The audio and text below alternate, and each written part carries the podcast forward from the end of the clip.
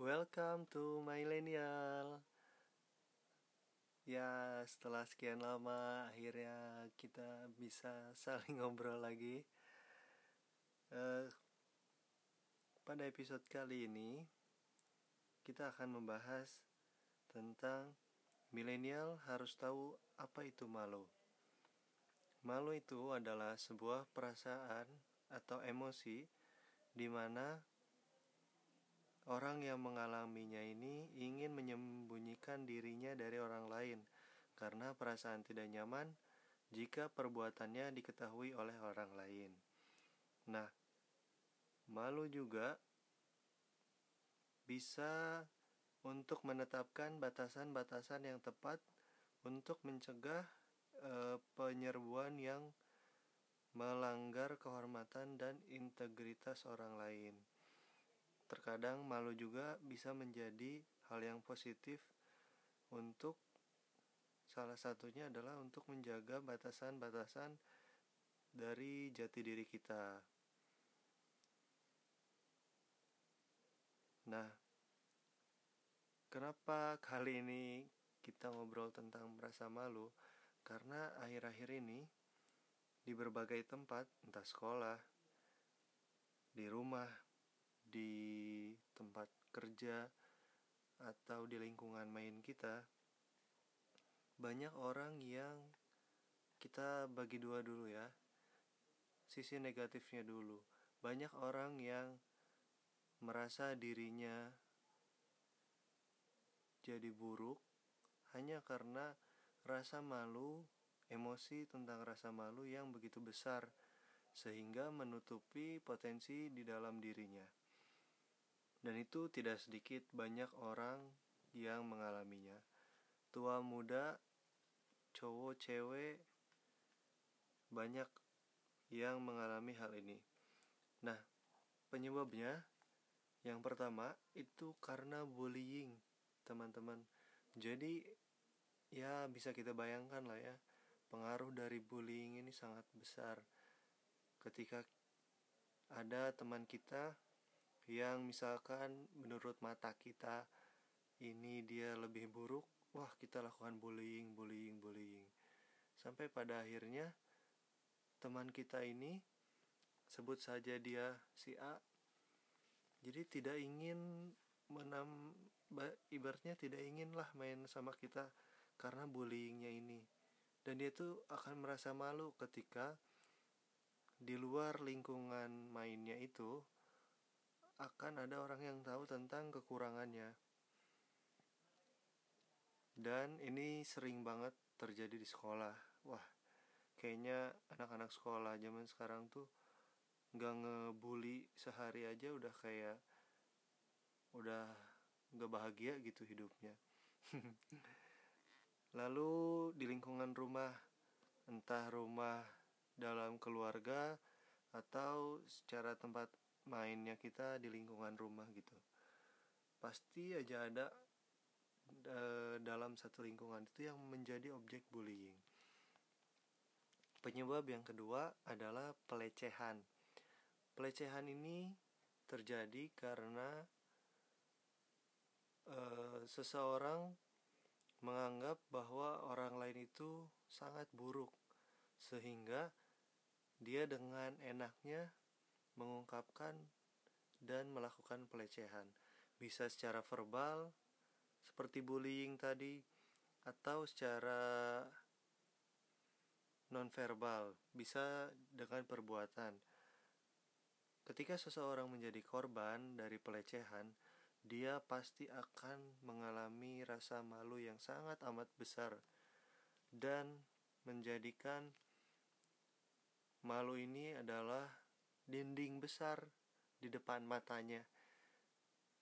Sehingga kalau ada kejadian yang mirip dengan ketika dia dilecehkan atau dia dibully wah orang ini pasti akan benar-benar uh, malu malu semalu-malunya. Penyebab yang ketiga yaitu adalah perselisihan dalam rumah atau broken home, perceraian atau orang tua yang sudah meninggal. Kenapa ini bisa menjadi rasa malu? Karena ini karena setiap orang itu selalu membandingkan dirinya dengan orang lain. Nah, ketika orang ini misalkan si A, si A ini ingin membandingkan dirinya dengan temannya. Tetapi temannya ini keluarganya masih utuh, selalu bercerita tentang kebahagiaan yang dia dapat di rumah, kasih sayang dari orang tuanya. Di lain sisi, si A ini ternyata karena di rumahnya terjadi pertikaian, entah broken home, entah orang tuanya telah tiada atau terjadinya perceraian, sehingga dia tidak mendapatkan apa yang temannya ceritakan itu, sehingga di situ akan muncul rasa malu yang begitu amat besar yang sekali lagi itu sangat menjadi pengaruh dan itu menjadi hal yang sebaiknya kita mulai sadari. Yang keempat, penyebabnya yaitu adalah kondisi ekonomi atau strata sosial. Ya, tidak dipungkiri bahwa hari ini zaman sekarang banyak banget orang yang hidup akan gengsi yang hidup karena gengsi. Apa-apa sekarang kan diupdate diceritakan di media sosial kita kita ibaratnya mau makan aja harus foto biar orang-orang lain tahu gitu kan. Gimana orang yang gak suka foto makanannya gitu? Apa itu menandakan bahwa seseorang itu ekonominya lebih jelek sehingga dia nggak pernah update makanan. Kan nggak gitu juga. Tapi ini bisa menjadi faktor yang menghambat seseorang untuk keluar dari rasa malunya. Karena dia menganggap bahwa orang lain itu sudah lebih daripada dianya sedangkan dia itu nggak ada apa-apanya. Sehingga kondisi ekonomi sering kali menjadi penyebab yang menghambat seseorang untuk memiliki rasa percaya diri. Nah, penyebab yang kelima yaitu adalah kurang sosialisasi atau kurang ngobrol. Ya, kita ketika kita sekolah, kita kan pasti punya temen ya. Bahkan punya geng atau punya sahabat deket di mana kita bisa cerita banyak dengan dianya. Tetapi ada juga orang-orang yang kurang mengerti tentang cara bersosialisasi dengan baik, kurang bisa mendapatkan teman yang bisa mendukung dia dalam mengeksplor sesuatu, tentang mengeksplor apa sih minat bakatnya dia. Kadang juga kan karena kurangnya sosialisasi atau kurang ngobrol, seseorang itu akan ikut-ikutan. Jadi misalnya seseorang ingin ikut organisasi tapi pengennya bareng temennya. Ditanya pengen masuk ke bidang apa atau divisi apa pengennya bareng sama temennya lagi. Jadi ini salah satu efek dari dia itu kurang main gitu kurang ngobrol. Ini menjadi salah satu faktor yang bakal muncul ketika kita sudah lepas dari masa kekanak-kanakan. Di mana ketika kita terlalu sibuk dengan dunia maya kita misalkan tapi waktu kita mencoba untuk keluar dari zona nyaman bertemu dengan orang-orang kita akan kesulitan untuk minimalnya ngobrol berkenalan. Hanya karena di saat itu di masa sebelumnya kita kurang sosialisasi kita kurang ngobrol gitu dan penyebab yang keenam adalah ketidakbiasaan atau ketidakmampuan dalam hal kita untuk mengembangkan diri kita, dalam hal kita bersosialisasi, dalam hal kita mengeksplor seberapa percaya dirinya kita gitu. Ketika kita tidak mau, kita tidak mampu mm, menjadi kita tidak bisa gitu. Pada akhirnya kita akan dibayang-bayangi oleh rasa malu itu. Nah, jadi dari keenam penyebab ini sebenarnya kita itu mengalami yang mana sih? Kita punya pengalaman buruk yang mana gitu. Sehingga sampai hari ini kita masih mengalami rasa malu itu gitu malu itu bukan sesuatu hal yang salah tapi malu juga harus bisa kita kendalikan gitu ada saatnya kita harus menjadi pemalu ada saatnya kita untuk melupakan rasa malu itu nah di sini aku punya beberapa tips yang mungkin kita bisa cobanya mulai besok atau mulai saat ini kalau bisa. Tips yang pertama biar kita lebih berani adalah percaya pada diri kita sendiri. Kenapa sih harus percaya gitu? Karena pada dasarnya setiap orang itu sudah memiliki kelebihan dan kemampuan. Ada yang misalkan dia hebat dalam berpidato atau public speaking, tapi dia belum tahu sepenuhnya gitu. Ada juga yang jago olahraga, tapi dia nggak punya rasa malu dan dia tidak tahu bahwa dirinya itu emang jago dalam hal olahraga tersebut.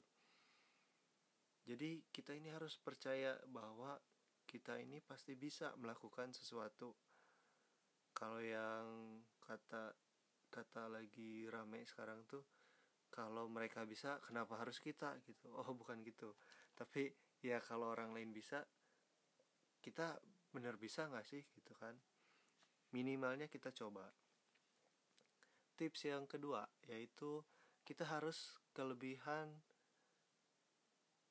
dalam kita harus lebih tahu tentang ya apa itu potensi dalam diri kita. Seperti tadi gitu. Jadi setelah kita percaya pada diri kita, kita juga harus tahu apa sih yang memang e, bakat dan minat kita itu sehingga bakat minat kita ini bisa kita kembangkan gitu.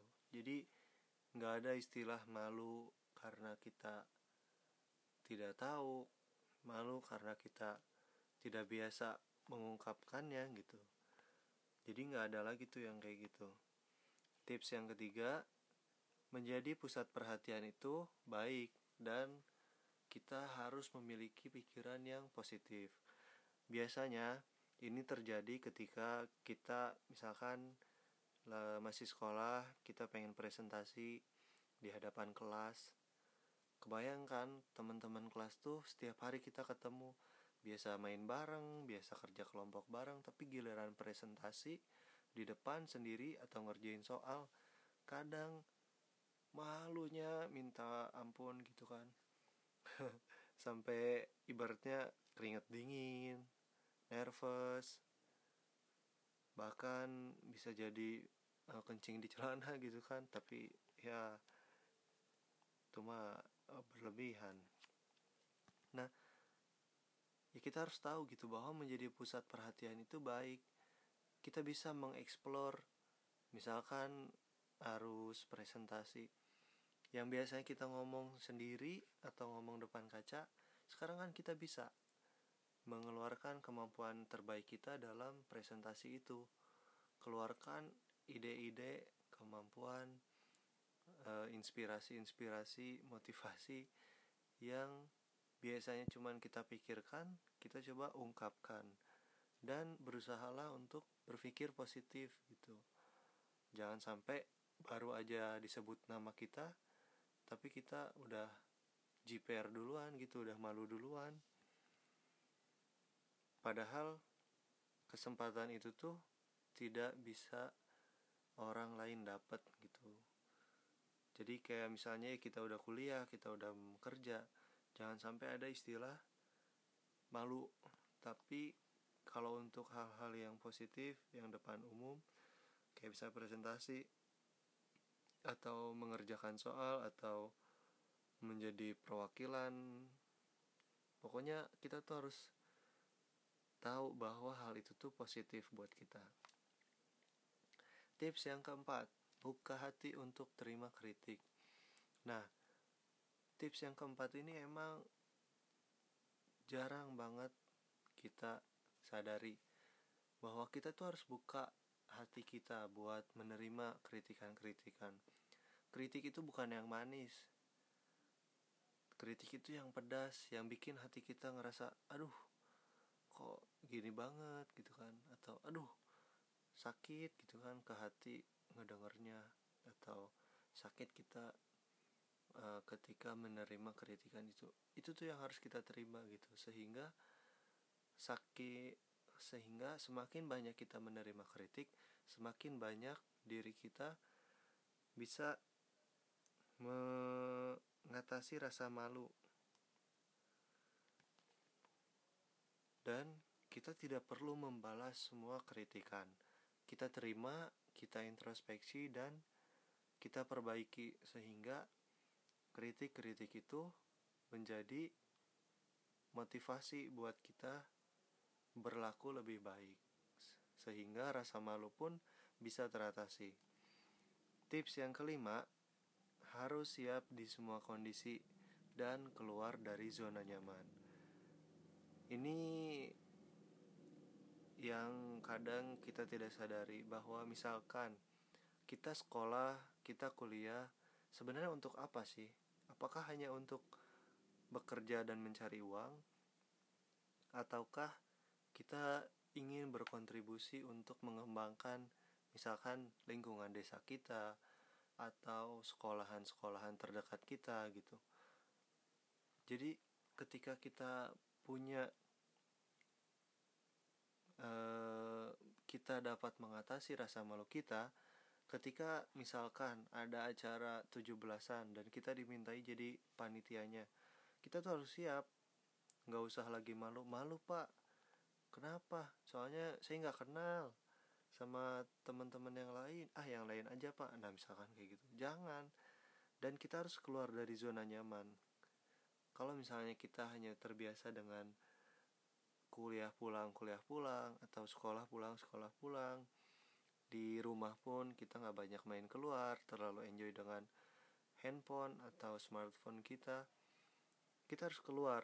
Kita harus bisa berkontribusi. Misalkan kita kuliah ngambil jurusan yang ternyata bisa dan belum banyak orang yang tahu. Kita kan bisa mengedukasi yang ada di lingkungan kita sehingga desa kita bisa berkembang. Desa kita banyak dipenuhi oleh anak-anak muda yang punya prestasi dalam berbagai hal. Entah ibaratnya kayak di industri tentang industri tentang UMKM atau manajemen atau bidang ekonominya atau tentang pertaniannya atau tentang bahasanya, komputernya, teknologinya. Semuanya itu kita harus bisa sharing. Sehingga eh, rasa malu tuh bisa hilang dan lingkungan sekitar itu bisa mendapatkan hasil yang baik gitu karena kita yang tadinya malu bisa berani untuk keluar dari zona nyaman dan ikut dalam berbagai kegiatan. Nah, tips yang keenam, biar adil kan, tadi penyebabnya ada enam, tipsnya juga ada enam, yaitu adalah sharing dengan orang terdekat yang sudah yang kita rasa punya rasa berani lebih baik daripada kita. Misalkan, kalau kita masih sekolah gitu, ikutan organisasi biasanya kan kita kalau masih awal-awal kelas 1 masih diem aja kan mendengarkan. Nah kita harus coba memberanikan diri untuk ngobrol dengan kakak kelas dengan senior yang sudah lebih dulu berkecimpung di suatu hal. Kita ajak ngobrol atau dengan atasan kita di kantor dengan senior senior kita kita ajak ngobrol gitu kan. Apa sih uh, yang menjadi kendala apa sih yang harus diperbaiki apa sih yang masih kurang gitu. Sehingga kita bisa mengembangkan diri kita dan kita bisa mengatasi rasa malu sehingga kita punya rasa percaya diri yang lebih baik lagi. Jadi kita itu harus mengevaluasi diri kita. Seberapa sadar sih kita tentang rasa malu ini jangan sampai ketika kita sudah bisa mengatasi rasa malu malah kita gunakan untuk hal-hal yang salah malu itu untuk tidak menjudge orang lain dengan menebar kebencian dan saling sepet atau saling sindir.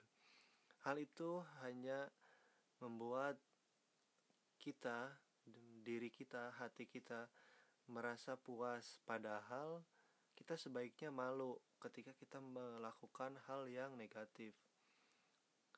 Saya kebayang gitu kan, kalau misalnya ketika kita rasa malu sudah bisa kita atasi tapi kita gunakan hanya untuk menebar kebencian dan saling sepet.